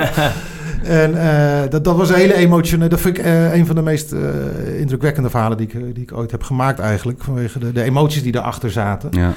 En, uh, en Rolf vertelde dat uh, in die eindfase, dat, nou, volgens mij de laatste keer dat hij bij, bij Johan was in, in Barcelona. Toen zei Cruijff tegen hem, nou Rolf, als je weer bij ons bent, doe iedereen de groeten. En toen zei Groteboer van, ja, laat ze de pleuris krijgen. ja. En hij zei, oh nee joh, de, de, gewoon iedereen de groeten doen. wij, wij staan daar boven. En toen vroeg Rolf aan, aan Cruijff van, ja, maar doet het je geen pijn dan? En toen... Toen is, toen, hij vertelde, toen is het gewoon vijf minuten helemaal stil geweest. En ik zag aan hem alles aan, ja. dat het, hoeveel pijn het hem deed. Maar hij wilde daar boven blijven staan. Ja. Zo van, ja. Uiteindelijk gaat het om, om Ajax en niet om die paar mensen die, die hem nu dwars hadden gezeten. Nice. Bizarre, Want bizarre dat zijn ook maar passanten uiteindelijk. En uh, ja, als alles, alle rookwolken zijn opgetrokken, dan blijft Ajax voor hem overeind staan, zeg maar. En dat, dat vond ik wel indrukwekkend. En het moment dat, dat Rolf dat vertelde, toen, toen barst hij ook echt letterlijk in tranen uit. Omdat hij... Uh, Ja. Ja, va- enerzijds vanwege wat Cruijff zeg maar, was aangedaan in hun ogen. Ja. En aan de andere kant dat die liefde voor Ajax dus eh, onverwoestbaar bleek. Ja. En toen zei uh, Groothoek trouwens ook... Van als Johan eh, die ziekte had weten te, eh, weten te verslaan... Dan, eh, dan was hij toch weer teruggekomen bij Ajax. En had hij, had hij ook nog wel met een paar mensen afgerekend. Ja, ja, ja. Eh, Was, hij, was hij guns blazing binnengekomen, zeg maar. eh, ja. Ja, ja. Wat dat betreft, ik bedoel, de, de manier waarop verdient absoluut ook weer geen schoonheidsprijs. Volgens mij, de, hoe die be- benoeming van de arena, Jan Cruijff Arena is gegaan. Er is ook heel veel politiek gekonkel. Ja. weer. Kun je ook nog drie boeken over schrijven. Dat Maar uiteindelijk, lang allemaal. als ik dit dan weer hoorde, ben ik toch weer zo, zo blij dat dat, dat stadion eh, zijn naam draagt. Dus, Ja, en binnenkort een standbeeld. Dus, en, Ja, oh ja, vanuit supportersinitiatief. Dus dat, eh, Ja. dat is ook mooi. En dit soort politieke spelletjes, dat keer, ja. En het het lijkt alweer zo lang geleden. Ja, want jij hebt altijd al gezegd, want dat, jij, jij houdt je daar ook heel bewust, je wil daar geen deel in, toch? Jij, je, je wil helemaal niet daarin ver- verzeild Nee. raken. Dat is voor jou... eh, Nou, nee, en dit was nog wel een andere tijd. Want ik ben eigenlijk vanaf 2014 eh, een beetje erbij gekomen bij Simon. Toen hebben we het samen eh, gedaan. Want Ja. toen eh, was het bij VI besloten om twee man op zetten. En Simon was natuurlijk de ervaren verslaggever en ik wat jonger erbij. En toen heb ik het vanuit 2005 of 2016, laat maar zeggen, eh, heeft Simon een vrije rol gepakt binnen Ja. VI gekregen. En toen ben ik eigenlijk meer op Ajax. Maar toen was het, het, het, probleem van het eh, slagveld al ja. geweest. Ja. Dus dit soort harde... En toen was- zat ik nog wel met technisch hard. Kijk, ik zat meer een beetje... Dat was een beetje nawee, dat technisch hard... eh, dat dat er niet werkt, dat dat werd... eh, dat er gedrocht wat uit elkaar werd gehaald. Dus ik zat meer die kant. Ja. Ik heb meer die naweeën meegemaakt. Want wij hebben op een En- gegeven moment, weet ik nog, samen verhaal gemaakt. Inderdaad, met als cover. Was, het- dat was een soort instortend Ja. kaartenhuis hadden ze Ja, toen gemaakt. klopt, ja. Van het, Ja. het Ja. einde van, van die hele Inderdaad, revolutie. wie nog van die revolutie, wie daarvan over is na alle jaren. Ja. En dan werd toen na het extra kaartenhuis van wie daar... nou- Ja, Maar wat overeind blijft is eh, wel bijvoorbeeld dat Overmars en Van der Sar... die dit Ja. volgens mij tot, tot tevredenheid van Ja. velen bij de Ajax achterban... eh, daar eh, aan de touwtjes trekken. Die waren natuurlijk nooit zonder Kruif op die plekken terecht Zeker niet. En iedereen verklaarde hem ook voor gek. Dat ze ook, ja, Overmars snapten mensen nog wel. Die had een soort handelsgeest altijd gehad en zo. Maar ja, Van der Sar stond dan niet bekend als, eh, als eh, posterboy, weet je. Als iemand die Nee. naar buiten toe Nou, ja, daarom buiten wacht dan, hè? Die Michael Kinsberger er natuurlijk bijgezet, Ja. een algemeen directeur... Ja. waarvan ik nog steeds niet begrijp waarom die ooit eh, heeft moeten vertrekken. Nee, dat ben ik Ja. serieus. Dat Ja. vond ik echt een, echt een goede directeur, Ja. een Ja. hele beschaafde vent. En, Ja. maar er was volgens mij ook helemaal geen reden voor. Maar die kreeg uiteindelijk de rekening gepresenteerd... voor het feit dat dat conflict in dat technisch Ah, hart ja, niet, er eh, moest- er moest een kop Dus Ja. maar daarom merk je nu... Het zit altijd in, in Ajax zelf, vind ik. Altijd die kampen. En dat, dat, dat, dat, De slangenkuil. Hebben eh, altijd die een derde ja. club, hè. een derde denkt links, een derde rechts en een derde waait gewoon lekker mee met de macht. En dat merk je als het slecht gaat. Ja. Nou, je, dan merk je natuurlijk, en daar vind ik Ten Hag nog wel het beste voorbeeld van. Dat merk je gewoon van, hè, toen het allemaal goed ging vorig jaar, nou, toen hoorde je een, derde, hè, dat, hoorde je verder niet. En de rest liep allemaal mee. En dan gaat het nu wat minder de afgelopen maanden. En dan zie je alweer de boel een beetje gaan bewegen en mensen stelling innemen. Maar dan is het niet zo radicaal meer zoals in het verleden. Nee. Dat, dat, dat En is wel zo'n, echt een eh, duidelijk verschil. En, zo, en zo'n zo'n Wim Jong, zou, zou die ooit nog zeggen van het is mijn club? Of dat is volgens mij wel echt eh, kapot, hè? Ja, nou, die, die, eh, nou, het is denk ik tekenend genoeg dat hij na zijn vertrek... de eerste keer dat hij terug was, eh, terug is geweest op de toekomst... was omdat hij daar met Volendam moest voetballen dit Ja. seizoen. Hij is helemaal niet meer in de tussentijd... eh, Hij is daar nooit meer nee, geweest. Nee. nee, en, eh, nou, hij heeft ze twee keer verslagen. En Ja. reken maar dat, eh, dat hij dat een heel prettig eh, gegeven vindt. Ja. En wat ik wel... eh, eh, ik vind trouwens, want dat, dat was ook heel interessant... hoe, het- hoe een beginnend trainer als Frank de Boer... eh, zijn hoofd boven water heeft gehouden in die Ja, tijd. Dat ja. niet alleen. Hij heeft ook... Ajax met vier landstitels Ja. en, en, en, en al die Champions League miljoen die eraan vasthingen... Heeft hij uit het financiële dal getild. Daar zou je echt nog wel een soort goed managementboek over kunnen schrijven. Dat hij wat. En de, de supporters pikt het heel lang natuurlijk gewoon. Weet je wat hij zegt, zeiden voor de camera was heel streed. Mhm. Dus de pers eh, was goed met hem. De, hij hield zich staan inderdaad in, in die Bobo-jungle. In het Kruif van Gaal conflict Ja. ook. Hè? Daar, heeft hij, daar Ja. zei hij op een gegeven moment van... ja, dat is alsof ik tussen mijn, tussen mijn, dochters moet gaan kiezen. Ja. Dat doe ik niet. Eh, en dat is hem ook niet kwalijk genomen. Niet Nee. door Cruijff niet en, de- en door Van Gaal niet. Dus dat is echt heel knap. Eh, als je bedenkt dat, eh, dat hij dan een jaar voordat hij aan die klus begon... nog de, de, de A-junioren Ja. trainde. Maar het lijkt me toch zo gek voor jou dat als je dus begint met je carrière... dat de jongens die toen in het home achter de flipperkast stonden... of ze stonden, zitten, zaten de kaarten toen nog natuurlijk vooral... Ja. dat die dan nu allemaal beleidsbepalers zijn, weet je. Dus die jongens die er echt van broekjes van in de twintig... met, met hun, met hun kiksentasje rondliepen... dat dat nu allemaal eh, eh, grote meneren zijn. Ja, nou en, en om, om de, nog even bij de boer te blijven. Dat, dat, Ja. dat was ook wel een van die spelers uit die gouden Van Gaal-lichting... die ook zo toegankelijk was. Die heb ik... Waar hij ook speelde, daar heb ik hem opgezocht. Eh, Istanbul, eh, Oh ja, Glasgow. Istanbul, ja. eh, Ja.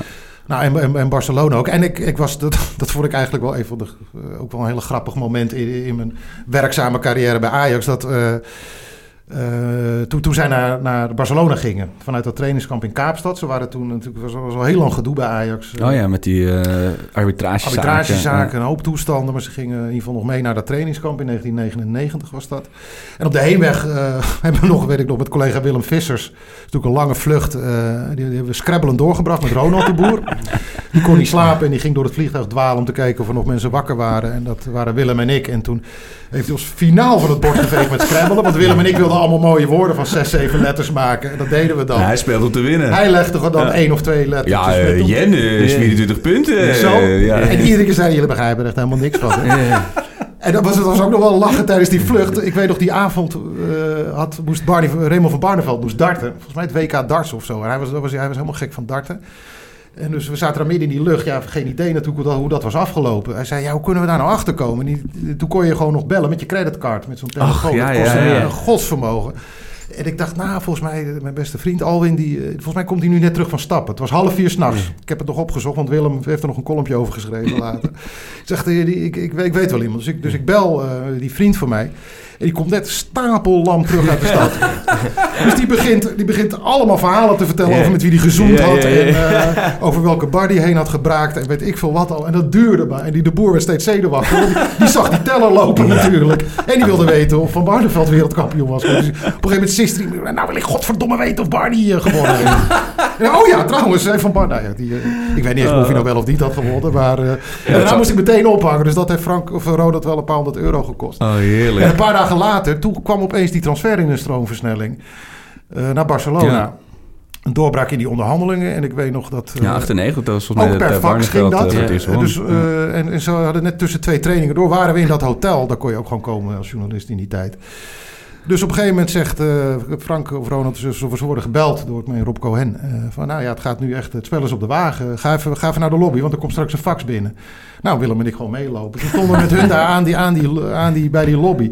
En dan kwamen de contracten binnen. En we stonden daar gewoon met ons neus bovenop. Ja, dat kun je ik niet heb nooit meer zo dicht bij een transfer Ja. gestaan. En nou, zou het een beetje doorlezen. En, nou hoe- ja, het ziet er wel goed uit. En, Fantastisch. Willem Vissers heeft dit eh, een paar maanden geleden bij Liel uit... toen we eh, met de journalist uit eten gingen... heeft hij dit, precies deze anekdote zo verteld. Dus en je staat er gewoon naast. En het is ook geen transfer naar Telstar. Nee, weet je Nee, wel. nee, nee. En, en het pijnlijke voor, voor de, voor de Ajax-delegatie was... er was een forse Ajax-delegatie mee. Want dat was de, die trip werd zeg maar de samenwerking met Ajax Cape Town werd, eh, werd opgestart. De club werd opgericht. Eh, dus er was een aardige delegatie mee. En die transfer gaat, eh, is rond. En volgens mij, volgens mij was Henny Hendricks ook mee. Ze zei van, nou, dan moesten we dan, moest dan toch opgeproost worden. Hè, ondanks alle problemen die er waren geweest onderling. En dat wilden ze niet. Oh ja, het was En- te, te, te, te veel... eh, Er zat te ja. veel wrok kennelijk. Ja, en toen, maar ze hebben wel een fles eh, champagne besteld, de boertje. En die hebben ze met Willem en mij opgedronken. Dus we hebben met z'n vieren... Hebben daar aan een tafeltje die, die fles champagne leeggezopen. En toen hebben we ze uitgezwaaid toen ze in een taxi eh, richting Kaapstad vertrokken. En nou, vanaf dat moment waren ze Barcelona Ja, spelen. Maar help, even in mijn herinneringen. Dit is to- compleet als leek en 20 jaar geleden. Dus het- ik kan dit compleet verkeerd herinnerd hebben, even als disclaimer. Maar was het nou zo dat de, Barcelona wilde Frank of ze wilden Ronald, maar Ajax wilde alleen al- allebei verkopen? Nou, Frank was de, was de eerste target van eh, Barcelona inderdaad. En eh, toen is Ronald zeg maar eh, in de onderhandelingen ook, ook meegenomen. Ja, als een soort Siamese tweeling. Ja, ja. die, Ja, en dus ja, nee, dat, werd, dat werd een dubbel, dubbel deal inderdaad. Ja, ja. Geen eh, Champions League voetbal komt nu binnen, jongens. En geen Europa League voetbal. Dus Alles, Ze eh, hebben alles, alles nu eruit gegooid voor... eh, Vind ik wel, vind komende, mooi, komende, nee, komende week. mooi moment om even heel ruw naar het heden te stappen, Ja. inderdaad. Want wat gaan jullie doen, mannen? Want jullie hebben... je- Misschien jij- zo min mogelijk. Nee, word, word- word jij bij het AD op het, op het weer gezet? Of, eh, dat of op denk de ik, ja. interestverhalen? Ja, ja, nee, dat... eh, nee, ja, wat gaan we... Dat, dat wordt... Het, het is natuurlijk een krankzinnige situatie. Hebben jullie dit ooit zoiets meegemaakt? Nee, no, maar Nee. niemand heeft dit natuurlijk ooit meegemaakt. Nee, we precies. Ik- ik zit te Dat denken, is natuurlijk het, het, de ene kant ook een beetje het boeiende aan dit. Niemand weet hoe lang dit duurt, wat Nee. allemaal nog gaat gebeuren. Alleen sinds gisteren weet je wel dat er maatregelen zijn genomen... dat sommige dingen gewoon niet gaan gebeuren. En, en op ons, in onze sector natuurlijk evenementen niks. Dus er wordt de komende drie weken gebeurt er niks. En dat is natuurlijk Minimaal voor VI qua ja. voetbal natuurlijk heel Ja. lastig. En het is qua een krant, het AD, natuurlijk elke dag een, Ja. een, een sportkrant vullen. Ja. Terwijl er nul actualiteit is. Kijk, in de zomermaanden wordt het natuurlijk ook niet gevoerd. Maar dan heb je de Tour de France of dan heb je de Olympische Spelen. Dus dan filtert zich vanzelf. Maar Ja. dat ligt ook allemaal stil. Ja. Dus ja, dat wordt echt... dat- Hele grote diepte-interviews met eh, Ja, de linksback van FC Nee, maar Dordrecht. Nee, maar ook dat kan niet. Want, je- want je bent nergens... Je, komt, je kunt eigenlijk in één club... eh, eh, gooit meer interviews open. Dus dan, dan, dan wordt het, laat maar zeggen, telefonisch. Ja. Plus, je moet ook wat denken in de praktijk. Ja, de- aan elk interview zit toch links of rechts of vaak wel eh, iets van een actualiteitsding aan vast. Ja. Dat is nu ook niet. Ik Nee. gebruik expres het woord haakje niet. Dat heb ik zo moeilijk van. Iedereen die tegenwoordig ge- ge- ge- Wat is het haakje? Ja, is het oh, haakje? dan loopt het dun weg. Maar dat, in elk interview zit natuurlijk dat wel aan vast. En dat maakt dit natuurlijk ik heb het heel bijzonder de komende periode. Ik vond het mooiste, het eerste wat ik las over... de eerste maatregel eh, vanuit de voetballerij... was dat RKC sloot zijn fanshop. dat, was, dat was de eerste die... Nee, maar je ziet schitterende reacties overal wel. Kijk, los van, want ik, het- voordat ik clip en plak zou allemaal verkeerd overnemen. Het is natuurlijk allemaal gigantisch erg wat er, is, wat er Nee, gebeurt. de reden natuurlijk. staat buiten kijf, Gezond tuurlijk. buiten kijf. Maar Ja. als je dan ziet wat er allemaal eh, op gang kam- komt. Ja, en het is natuurlijk voor Ajax is dit de zegen. Als Toch we weer gaan voetballen. Jij zegt het is een zegen. Ajax is de coronakampioen voor dit seizoen. Maar ja, het zegt, het Nou, niks dat is alvast de kop bij zo'n Dat knip, is knip- en plaksite hoor, denk ja, ik. nee, maar... eh, oh ja, god. Ja, nee, jongens, even niet meer luisteren. Knip en plak zoals we doen even niks. Ja, ik denk, ik help Voor ze Ajax, ik zag ook dat, dat ze hier... eh, ze hebben een poll Polletje, gedaan op Twitter. polletje. Ik zal even wij kijken wij hebben niet zoveel met die social media afdeling te maken, hè? Want dat wordt ook nog wel eens gevraagd. Maar die, die kunnen nog wel eens verrassend als een... Of, of, of spuug, dat is een- nu in de eigen glas. Dat die is als het jongens van de polletje? 11 eruit komen. Nee, nee, nee, maar ik bedoel, wij... eh, Of Ajax, dit- dit corona wat door het nu stil ligt, dat is voor Ajax natuurlijk eh, uit sportief oogpunt is dat goud. Ik, Ja. eh, ik had Polly, ik zal het even voorlezen. Eh, de- los van de nare achterliggende reden is het stilleggen van de competitie gunstig voor Ajax. Toevallig een tweet die ik dan wel zelf heb gelanceerd. Oh, wat, eh, 8% zegt nee, de bal moet rollen. Dus dan de show must go on. Dus Ja. eh, het is hoe dan ook jammer. Ja. 8% maar van de 1500 stemmen. Eh 9% zegt nee, Heerenveen was de ommekeer. Dus nou, ook maar Ja. 9, Ja. 9%. Eh 45% is het met je eens. Dus eigenlijk, weet je, het is een beetje, het is nogal wrang. Ja. Maar eigenlijk komt dit als een eh, Ah, geschenk eh, uit Twee, China. net twee weken te laat. Het had een dag voor Getafe had het moeten worden. Zo, ja. Als Rutte, laat me zeggen, echt een ajax was geweest... had hij Ja, twee weken geleden... Een dag voor Getafe had hij gezegd... jongens, geen evenementen meer. Dat was, maar Ja. dat was puur Europees Ja. gezien. En Maar na- nationaal gezien... en de laatste was Bandé, hè? Ja, hij heeft 37, 38% zegt hoe is het met Bandé. Oh ja. Wat is in Zwitserland? Dat was eh, ook niet gevoetbald. Nee, Dat is het ook stil? Ligt ook? Maar, ook zo. maar dit is natuurlijk, als je puur al kijkt, los nog van de vorm, die natuurlijk dramatisch is, en dat ze achterin zonder verdediging voetballen en elke lange bal een kans voor de tegenstander is, is het fysiek natuurlijk, zie je echt, die het eh, continu pijntjes heeft, kan het nu laten herstellen, blind, kan nu rustiger terugkomen. Veldman heeft zijn eh, training op het veld hervat, heeft nu echt een paar weken de tijd om goed fit te worden. Neres, nou daar hoopten ze in april, begin april, die- weer Die te kunnen een apart, beschikken. eh, apart herstel Ja, ze hebben traject. Apart herstel. Dat is Ja, echt goed mis. ja, Goed. nee, dat heeft Veldman ook gedaan. Dat doen ze nu, nu wel vaak op dat vlak. Dus, dus, dus, maar het is voor die fysiek, Babel. Voor fysiek is de top. Een paar verliezen zijn er wel. Jurjen Timber. Ja, mee te doen. Hè? Die had natuurlijk de komende weken, als hij het goed had gedaan, lekker de baas Zijn kunnen staan. momentum is aardig gebroken. En als het EK wordt uitgesteld... Oh, Gaan jullie daarvan uit? Ryan Denk je dat het Babel. gaat gebeuren? Ryan Babel. Denk eens aan Ryan Babel. Die, Die- die, is dit toen het interview met hem had, die heeft gezegd dat hij alles in Istanbul achter heeft gelaten. Zijn gezin, want hij ging een paar maanden terug naar Nederland. Want alles moest in teken staan van het EK.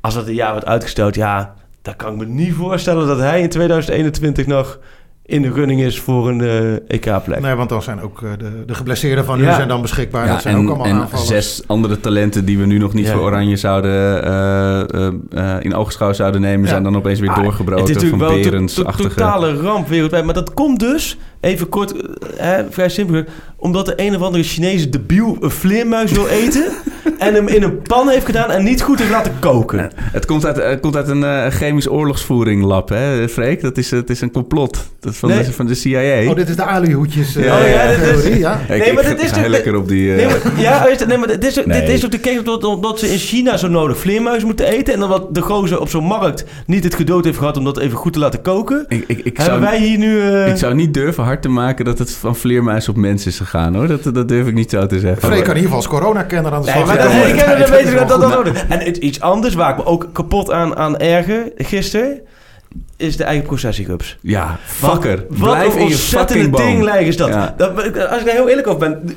Nederland ligt totaal op zijn En gat. voetbal. En, en Totaal dan op zijn gat. En wie komt daar om de hoek kijken? De Ja, eigen dan ben je, dan ben je possessie een landverrader. Oh, het is Ja. hetzelfde als je tijdens Geta- de rust van Getafe of Ajax Getafe... dat je dan Brian Smeets op die, op die grote borden in beeld komt en zegt... hey, weten jullie nog de graafschap Ajax? Nee, maar dat, dat doe je niet. Ik vind het heel creatief hoe je me dit keer weer in hebt Nee maar, gefietst, nee, maar dat doe je niet. En zo'n eigen processierups die denkt wel heel Nederland en Ja. ja. Zegt hij... nou, dan ga ik eens weer eens even lekker de bomen klimmen. Hey, maar even op alle niveaus voetbal. Want eh, je- de Graafschap heeft zijn periodetitel binnen. Dus dat maakt voor, voor jou niet zoveel uit als het nee. nu stil ligt. Dat- nee, die maar ze, zijn moet een natuurlijk keer- in absolute topvorm. Ja, En Volendam is wat aan het, eh, aan het kwakkelen. Dus dat, dat was Ook wel. beter geweest Ja. als hadden. Maar goed, de Graafschap gaat wel promoveren. Dus, maar het is vooral... Ik, ik denk ook voor Feyenoord en AZ, maar vooral Feyenoord... is het wel een heerlijke onderbreking. Ja, die hadden willen doordenderen Toch? natuurlijk. Ik ja. had wel heel erg het gevoel, daar lukte alles. Ja. ja, ik had... En eh, met Feyenoord Ajax volgende week... Ja, laten we eerlijk zijn. eh, dan hoef je volgens mij ook de supporters van Ajax... die, die, ik had de die pot- hadden er echt wel vrees voor. Ik had de pot crème voor, van mijn zoons billetjes al klaarstaan voor mezelf hoor. Voor zon- volgende week zondag. Oei oei oei. Ja, maar, Maar, nu dat eh, EK, Simon. Want jij is natuurlijk nog eh, met Oranje en en alles van... Ja. Ehm, ik heb echt het gevoel van dat kan bijna niet meer doorgaan. Maar als je die nationale competities allemaal wil gaan afmaken... Ja, of gaan ze het gewoon, eh, gaan ze gewoon de- de- het jaar uit de boeken halen? Nee, Uit- dat- van de competities. Dat kan ook niet hè? Nee. Nee, dat, dat gaat niet gebeuren volgens mij. En die, kijk, het, het EK en de vorm zoals ze hem nu voor ogen hebben, dat, dat is natuurlijk sowieso uitgesloten. Met Ja. twa- Nou ja, in twaalf en- landen ja, gaan, gaan Maar die opzet leent zich als, als enige wel echt heel erg voor uitstellen Ja, inderdaad. perfect. Want het is niet alsof eh, Nee. eh, Abu Dhabi of eh, Azerbeidzjan 28 stadions Nee, heeft precies, laten dat, bouwen. dat dacht ik ook al. Ja. Normaal heb je in een land waar dat land is al, al, al jaren bezig en Ja. al maanden om alles klaar te krijgen. Maar sta- Ja. Dat heb je nu, die stadions liggen er, ja. Dan kan je in het WK voor clubteams, dat zie ik wel eens als argument voorbij komen. Ik dat, ook, dat ja. is meteen een goed moment om daarmee te stoppen. Ja, omdat... Om daar niet eens mee te voor beginnen. en voor precies. altijd van de agenda te ja, halen. ja. Nee, dat is, Eh, dat en is dan moet je het reden- uitstellen. Ja, En voor Nederland, voor Memphis, Malen, Koeman, het zou, dit zou allemaal wel heel goed uitkomen. en ja, Kijk, en als je, als, je, als je de tendensen van nu een beetje bekijkt, ook met het, eh, de stijging van het aantal besmettingsgevallen en zo. Ze gaan dan dinsdag, gaat u even hierover praten. Nou, tegen die tijd zijn die aantallen wel weer een paar keer over de kop Ja, eh, gegaan. En wordt die druk wordt steeds eh, groter. En UEFA die neemt tot nu toe een behoorlijk labbekakkerige rol Ja. in, in Ja. het hele verhaal. Dus die, die druk wordt, wordt steeds groter. Dus ik kan me echt niet voorstellen dat daar een ander Nee. besluit uitkomt dan. dus dan eh, gaan, we, gaan we meemaken dat de competitie in juni of zelfs juli eh, eh, uitgespeeld wordt? Ja, maar dat zou ik echt goud vinden. Ik vind dat de mooiste voetbalmaanden qua... Als je toch eh, Fortuna Ajax, de laatste speelronde... en je kunt die eind juni lekker met, eh, met 20, 25 graden doen. Ja, je zit Toch? er Nee, nee, serieus, dat is Ja. Ja, dat, ik, ja, op zich vind ik daar niet zoveel... Als jij toch eh, in de zomer die, die eindtoernooien schrapt... Ja. Nou, dan kun je volgens mij toch prima voetballen tot... Als het, als het weer snel begint, hè. Want je weet ook niet of het begin april met Ajax Pax Vol is volgens mij de eerste. Of het dan weer echt gaat beginnen of dat het nog verder wordt uitgesteld. Ja. Maar stel dat je dan begint en je voetbal tot half juni door. Nou ja, en dan, eh, dan denk ik dat het op zich niet heel veel... eh, We gaan nu denk ik nog wel iets te veel uit inderdaad van 1 april. Ja. En dan, eh, en dan Ja, gaan we dat- weer beginnen. Desnoods zonder publiek. Maar als je ziet het tempo waarin nu ook spelers besmet Ja, lijken te Ja. zijn. En de manager hele van Arsenal, die in quarantaine worden geplaatst. trainingscomplexen Ja. die gewoon voor En weken Polsen was volgens mij gekleerd, hè? Die, die bleek het niet te Nee. hebben. Volgens nee, mij. die had ook, in- wat ik van begreep, ook helemaal geen gezondheidsklachten. Nee. Dus ja, Maar voor jou, ja, want jij bent natuurlijk inderdaad oranje volger. Dat is niet per se waarvoor de mensen deze podcast luisteren, maar ik ben wel heel benieuwd. Want had, had je ook een, een Depay-achtig boek in het kader van het EK? Had je nog hele, hele grootse plannen met het EK? Of, of, of was het... eh, Nou, bij, bij, bij VI hadden we, of hebben we, eh, eh, ja, wel grote plannen. Ja, Ja, op, dat- alle, op alle platformen. En, het moment natuurlijk om, voor de VI om weer even te shinen ja, natuurlijk. je, je voelt het echt hoor als medium als je, als je twee toernooien, als het de nationale ploeg twee toernooien mist. Eh, dus nee, da- daarvoor hebben we heel veel in de stijger gestaan. Eh, nou ja, eh, misschien, waarschijnlijk zullen we dat dan moeten gaan uitstellen allemaal. ja. En ja, wat Depay betreft, dat was natuurlijk sowieso spannend gebleven of, of hij dat nou had gehaald of niet. ja, en in welke, vo- welke vorm inderdaad. Ja, en kijk, de, de, we hebben al op de, op de boekpresentatie van, van Harte van Lijnen hebben we het al tegen elkaar gezegd van nou, dit, dit, is, dit is pas het begin. ja. Dus we gaan nog meer doen in de toekomst. Maar dat was niet de bedoeling om dat meteen na het EK al te Nee, doen of zo. Om dat soort termijnen moet je niet denken. Dus het was vooral op VI gefocust en eh, hoe we daar zouden gaan uitpakken. Maar het is wel ook... Jij hebt hem nog niet gesproken de afgelopen dagen hè, over deze ontwikkeling, of wel? We hebben met Memse contact gehad. Nee, Dat gisteren, ik kan me eh, voorstellen dat hij... eh, dat, het zou voor hem natuurlijk geweldig zijn. Dan hoeft hij niet natuurlijk met, met die klok in zijn nek elke dag op te staan van... eh, Nou ja, ook omdat hij nu, eh, even, we gaan er nu vanuit dat dat EK wordt uitgesteld. Ja. Dat hij dan niet afhankelijk eh, meer is van zijn club. Ja. Want dat was natuurlijk straks het verhaal geworden. Ja, dat herstel, dat gaat wel gewoon voor prima. hun, ja, Eh, en bij Lyon hebben ze natuurlijk veel meer belang bij dat Ja. hij, dat hij eh, rustig Goed in de zomer naar het ja. nieuwe seizoen weer gaat. Hij had, hij had speeltijd nodig gehad Ja. natuurlijk bij zijn club. En dat, eh, ja, dat, dat dilemma is, er- is, er dan, is er dan vanaf. Ja. En de, en de spelers van Ajax en oh, even überhaupt van elke club, ik bedoel, gaan die, wat wordt daarvan Nou, ik heb er verwacht? gisteren even contact eh, over gehad. Ehm, ja, ook dat is natuurlijk allemaal één keer nieuw. Ik had, ik had gisteravond Ja, met Matthijs er Licht ligt even, kort contact. eh. Zei, nou, in één keer heb je lentestop. Het is in principe gewoon een lentestop. Het, is, het wordt een langere stop dan in de winter was Ja. voor al die spelers. Alleen, in principe gaan ze natuurlijk wel doortrainen. En ze zullen dat 5 april, 6 april... zullen ze wel allemaal als eikpunt nemen... van dat dan de competitie weer begint. Eh, maar ja, je moet... Je kunt, moet daarin moet je wel gaan kijken wat mogelijk is. Zoals Ajax heeft volgens mij tot met na het weekend in ieder geval eh, de jeugdteams en, en, en de, eh, de vrouwentak gezegd dat die niet hoeven te komen. Volgens mij kwam zodat er niet de- meer dan 100 selectie. mensen... ja, precies. ja. Selectie vandaag wel bij elkaar. Ze laten op de toekomst verder geen externe mensen Ja. meer, meer, meer toe. Dus je moet gewoon heel erg continu kijken naar en dat ook dat 100 eh, aantal Ja. van 100 mensen, van dat je niet met een grote groep bij elkaar bent. Ja. Ja, en eh, wat je zegt, als je nu al ziet inderdaad het bij Chelsea, bij Arsenal, Juventus, Inter, die allemaal in quarantaine gaan. Ja, daar is natuurlijk voor het geval, volgens mij tot op heden in Nederland nog geen sprake van, dat er geen speler eh, eh, besmet is.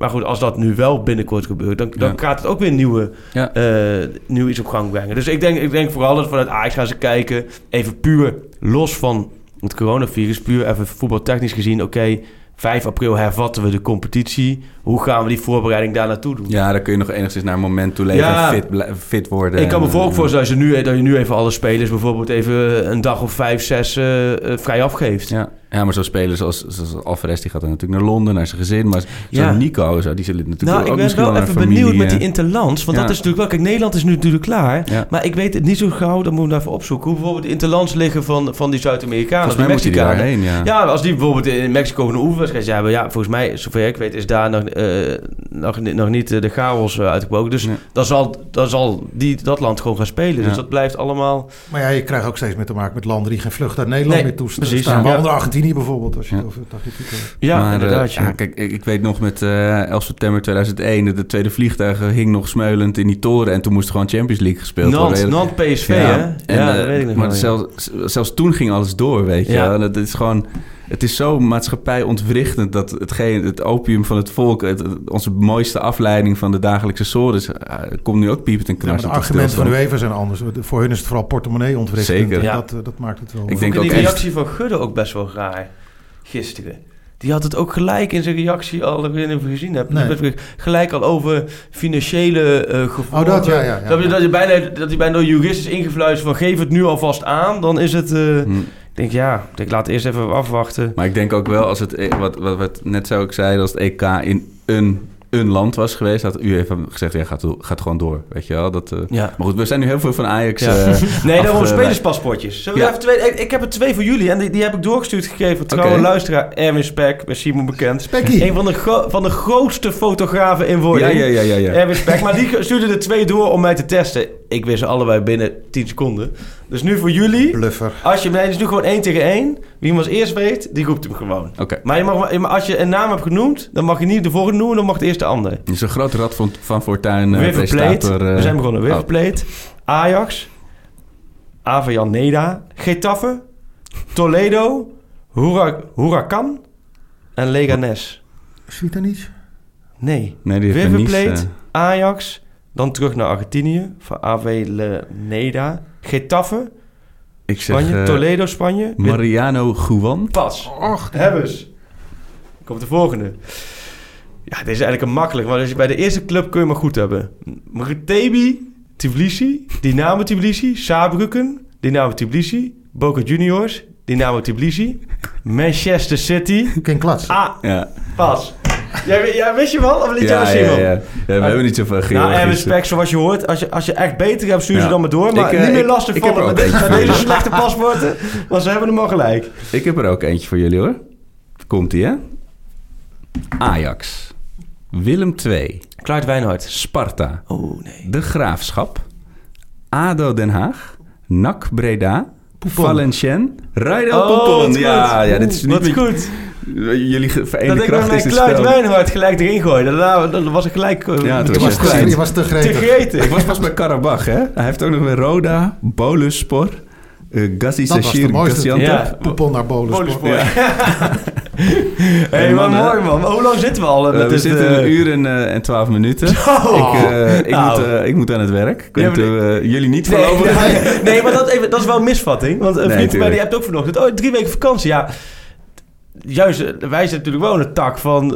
Er moet wel iets komen. Ja, je moet jezelf nu onmis, dit moment je Nee, onmisbaar maar moet Ajax, maken. Ajax Twente was natuurlijk veel makkelijker. Want dan ga je naartoe, dan schrijf je een stuk over. En, Ja. eh, en, en dan schrijf je een nasleep over. En we zijn door. We zijn al onze handvaten kwijt. nu Ja. moeten we creatief zijn. Ik denk dat dit het moment alles, is dat jullie eh, de e Ajax e-sports afdeling even Zo. goed in het zonnetje gaan zetten. Nou, er zijn grenzen. Hey Simon, heel erg bedankt dat je aan. eh, ja, hartstikke leuk Simon. Gewoon in, de, in de eh, voetsporen van Dick Sintony gewoon. Als, eh, ja, mijn oude jeugdvriend, ja. En die, die nou ook samen gevoetbald hebben, toch? Je hebt met Dick gevoetbald, of Eh, sterker nog, we zaten samen op de peuterschool. Ja, ik zijn al bevriend sinds we drie zijn. En, eh, Wie en was beter in knikkeren? Dick, veel, Ja? veel brutaler. Maar in ja. voetballen jij... eh, Ik natuurlijk. Ja, nee, oké. Dick heeft een geweldige paas in zijn benen. Ja? Echt, ja, als middenvelder. Echt degene die de, die de spitsen lanceert. Ja, joh. Eh, Ja, maar hij, hij voetbalt nog met Willem Vissers samen. Zeker, Dus hij ja. lanceert Willem Vissers wel... Maar wat zijn dit allemaal voor incestueuze voetbaljournalist-teams? Nou, nee, ik hoorde dat is- bij de dat, dat, kijkers... dat, eh, heeft Simon mij wel eens verteld. Want dat, dat wist ik ook. Dat Simon, toen wij samen richting België reden voor de Interland... heb jij mij inderdaad eh bijgepraat. Hoe, is één zo'n team is eigenlijk spontaan ontstaan. Nou, Met- we hebben- nou ja, Dickie die komt gewoon uit hetzelfde dorp als waar ik ben Ja. opgegroeid. En, eh, dus Dat dat, dorp heeft niks is? met die, de Samport. Oh, ja, ja.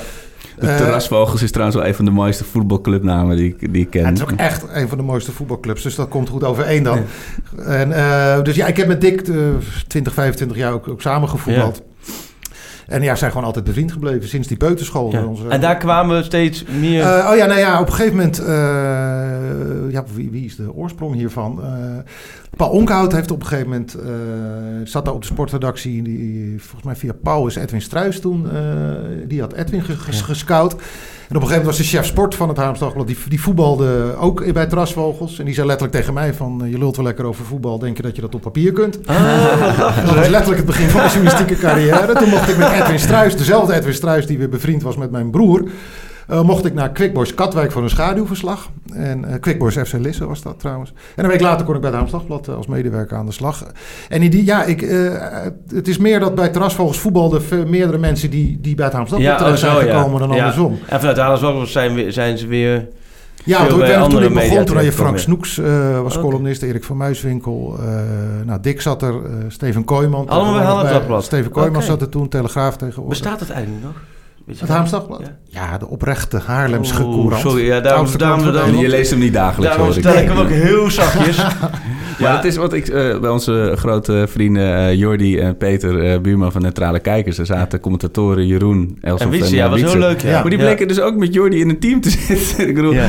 je moet gewoon even een goed voetbalteam uitkiezen als je Ja, een en, carrière en, in de voetbaljournalistiek... en Nieuw, die heeft bij ons eh, gevoetbald. Ja, ik zeg nou dat in gevoetbald, want 16 sinds een, bende. sinds een jaar is die niet meer geweest. Maar eh, nee, Maar ja, er zit... Nou ja, wij worden ook wel eens de Haarlemse maffia genoemd inderdaad. Want met, met dat groepje doen we dan ook weer een voetbalshow. Hè. We Atemos Ja, ja. bestaat niet Oh. Oh, dat en tegenwoordig bestaat de niet, ja. grote hier-handel voetbalshow. Alleen zonder voetbalclub door het leven in Haarlem. Haarlem was Ja. wel je clubje toch altijd? Ja. Maar Dick was Telstar, maar bij jou was het Haarlem. Ja, de, ja, de, de, de- ja, maar het is, het is, het is niet, niet raar of zo, weet Nee. je wel. De, de, de, de animo was gewoon zo laag. En de, de, degene die daar nog heen gingen, dat is wel mooi. Dat is nog steeds levend. Je hebt nog ieder jaar bijeenkomsten ook van, van oude supporters en zo... die dan bij elkaar Oh, wat kruipen. Waar grappig. ook jongens als Martin Haar en zo komen. Ja. Oude club. eh en, eh, Mm. En eh, Barry van Galen. Dat soort gasten. Dat, dat gevoel leeft nog. Maar eh, ja, nee, die club is al heel lang weg. En we hebben ermee leren leven. Nou, we moeten ook weer eh, leren leven met eh, een stilgelegde competitie. Ja, geen Geelburger Challenge. Nee, nee, dat is eh, allemaal even, even onhold. Maar wij gaan zo goed, zo kwaad als het gaat, gewoon weer terugkomen. Volgende Ja. week. En dan, Wij gaan eh, gewoon door. we gaan eh, gewoon eh, 30, 40 minuten lang spelerspaspoortjes voorlezen. Nee, we, we kijken hoe we het gaan invullen. Maar eh, ik, voor nu, ik heb kramp in mijn hamsterwangetjes van, eh, van het lachen van je Ja, dat was hartstikke leuk, Simon, bedankt. Top. Tof dat ik hier mag zijn. En eh, Ja, tot ja. eh, snel de volgende keer. Want er zijn nog zoveel anekdotes nog niet besproken... die ik in die jaren met Simon allemaal Nee, voorbij daarom. hoor komen. Ik proef die dat er gewoon nog een, eh, moeten worden. Er En we hebben ook nog niet gehad over de tips van hem om slank te blijven... maar wel alles te eten en te drinken wat God verboden heeft. Dus het belangrijkste onderwerp, ja.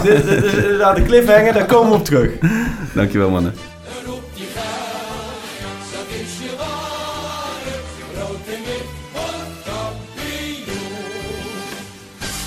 Ajax is Ajax, and what does that mean? Then then we are the best one.